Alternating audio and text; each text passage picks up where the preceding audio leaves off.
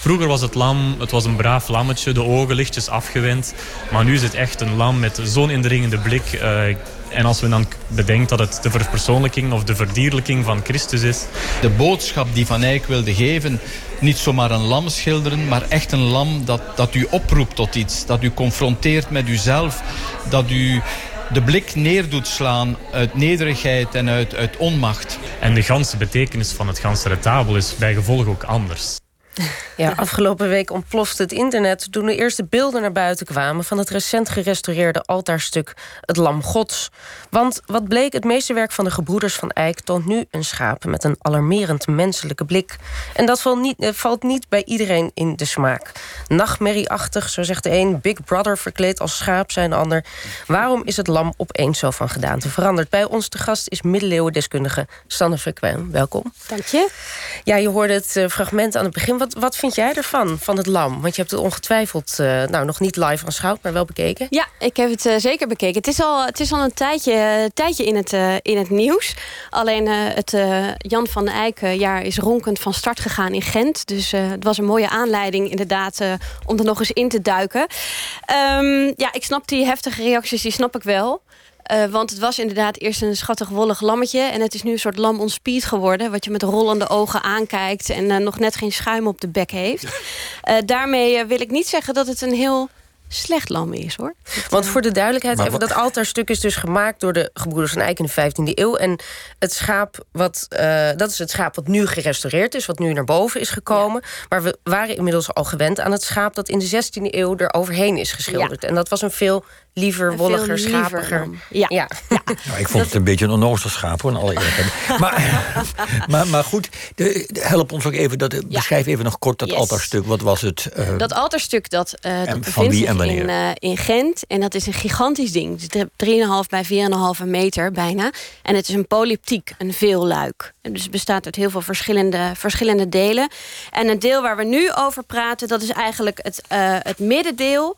En uh, in dat middendeel staat dat lam gods. En even voor je voorstellingsvermogen. Dat ding is dus 3,5 bij 4,5 meter. Dat lammetje is denk ik ongeveer zo groot als je wijsvinger. Dus het is echt een klein, klein lammetje eigenlijk. En toch maakt het heel veel indruk. En toch blijkbaar. maakt het heel veel, uh, heel veel indruk. Omdat, uh, omdat wij natuurlijk, hè, als wij naar dat schilderij kijken... dan kijken we ernaar met onze microscopen. En we kunnen er met onze neus op zitten. Je kan naar de website Closer to van Eyck. Daar kan je echt op, nou, op microniveau inzoomen op dat schilderij... en genieten van de ontzettende vaardigheid van uh, Jan en Hubert van Eyck, de schilders die dat schilderij hebben gemaakt.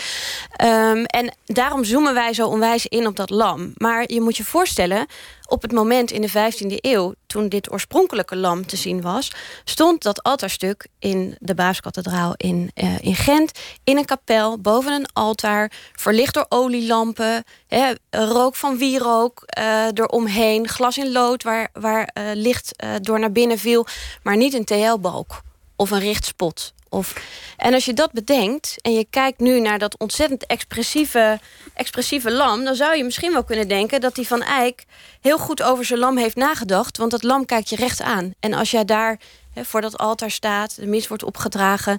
dan is die indringende blik, die trekt je, bij dat, trekt je bij dat ritueel. En daarmee sluit dat lam eigenlijk heel goed aan bij de functie van het schilderij. En wat is de functie van het schilderij? de, uh, de functie van het schilderij is een altaarstuk. En dat, uh, dat uh, altaarstuk dat laat eigenlijk de, het belangrijkste uh, ritueel in het christendom, namelijk de Eucharistie, laat dat zien. En je ziet een lam, zie je staan op een, op een altaar.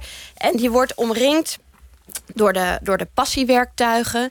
De spons en de lans en, en weet ik wat allemaal. En uit de borst van, die, van dat lam, daar spuit een, een straal bloed. En die straal bloed die spuit in een kelk. En dat is natuurlijk een verwijzing hè, naar Christus. Die zegt, dit is mijn bloed, dit is mijn lichaam.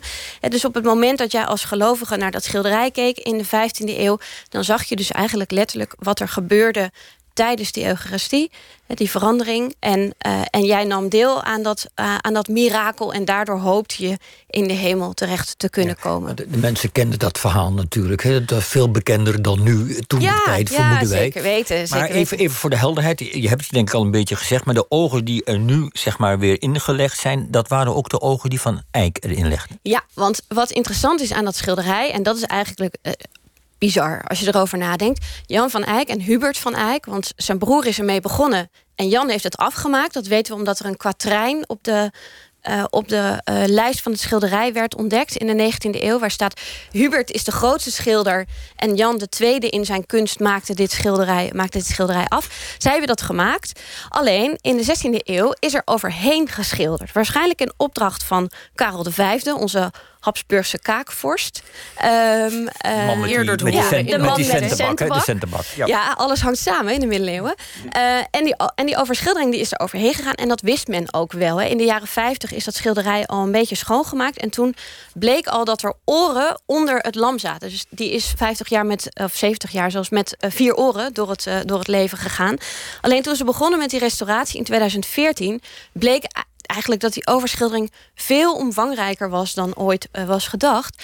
En toen was dus de vraag: wat gaan we doen? Gaan we een 16e eeuws meesterwerk vernietigen om te komen tot het meesterwerk uit de 15e eeuw. En dat hebben ze gedaan na heel veel overleg en discussie. En nou, dat is een monnikenwerk geweest. Want dat betekent dat vierkante centimeter voor vierkante centimeter... die 16e eeuwse verflaag moest worden afgekrapt. En wonder boven wonder zat daar dus die, uh, die Eikeaanse, uh, uh, dat Eikeaanse schilderij onder. Ik geloof dat er 3% van de schildering verloren is gegaan. Nou, dat is bizar. Dat... En, en, staan ons eventueel nog andere verrassingen te wachten? Kijk, we hebben nu het lam wat zijn mhm. echte ogen terug heeft... en mhm. zijn oren weer op uh, menshoogte, zoals het destijds mhm. was gemaakt. Zijn er nog andere verrassingen? Bijvoorbeeld uh, de opdrachtgever, die, dat is een hele lelijke kale man... kan die misschien ook knapper worden? Uh, nee, ik vrees, voor, ik vrees voor Joost Feit dat hij toch kalend en Ja, want die opdrachtgever staat op het schilderij, voor de duidelijkheid. Ja, ja. Als je, nou, dat is wel even interessant dat je dat zegt... want het lam gods, hè, dat, dat lam wat we, wat we zien... en waar iedereen nu met zijn neus bovenop zit... dat lam, dat was natuurlijk in de middeleeuwen vrij weinig zichtbaar. Want het is een politiek, zei ik al, een veel luik. En die altaarstukken die waren gesloten.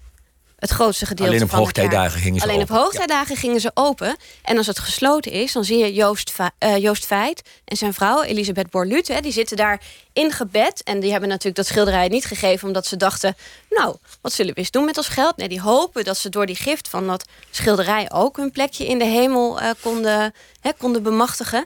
En je ziet daarboven een prachtige annunciatie... En daar Initiatie, de, eh, vertaal even voor de... Sorry, de verkondiging aan, uh, aan Maria. En als je naar die website Closer van... Van de komst van Christus, hè, dat ze de yes, geboorte... Yes, yes, yes. De engel die komt en dan... Um, als, je naar die, als je naar die website Closer to van Eyck gaat... kan je dus inzoomen op, dat, op die annunciatie. En in die annunciatie zit een doorkijkje. Dus Maria en de engel zitten in een kamer. En dan zie je een aantal mooie zuilen. En daarachter zie je de straat. En als je daarop inzoomt, dan zie je dat er op die straat... nou, dat, moet, dat is denk ik twee centimeter groot... staan de mensen met elkaar te praten. En die mensen staan niet met elkaar te praten. Die hebben schaduwen, die hebben houding. dat is, dat is van, een, van een schoonheid. Dat is onvoorstelbaar. Dus we moeten ook met z'n allen ammas naar Gent... naar de Baaskathedraal en naar uh, het Museum voor Schone Kunsten... om daar met onze neus bovenop te gaan zitten. Want het is echt een gouden kans om dit te gaan bekijken. Ga je zelf ook binnenkort? Wat denk je? Wanneer? Zo snel mogelijk. Hartelijk dank, Sanne Verkwem, voor je toelichting. En alvast heel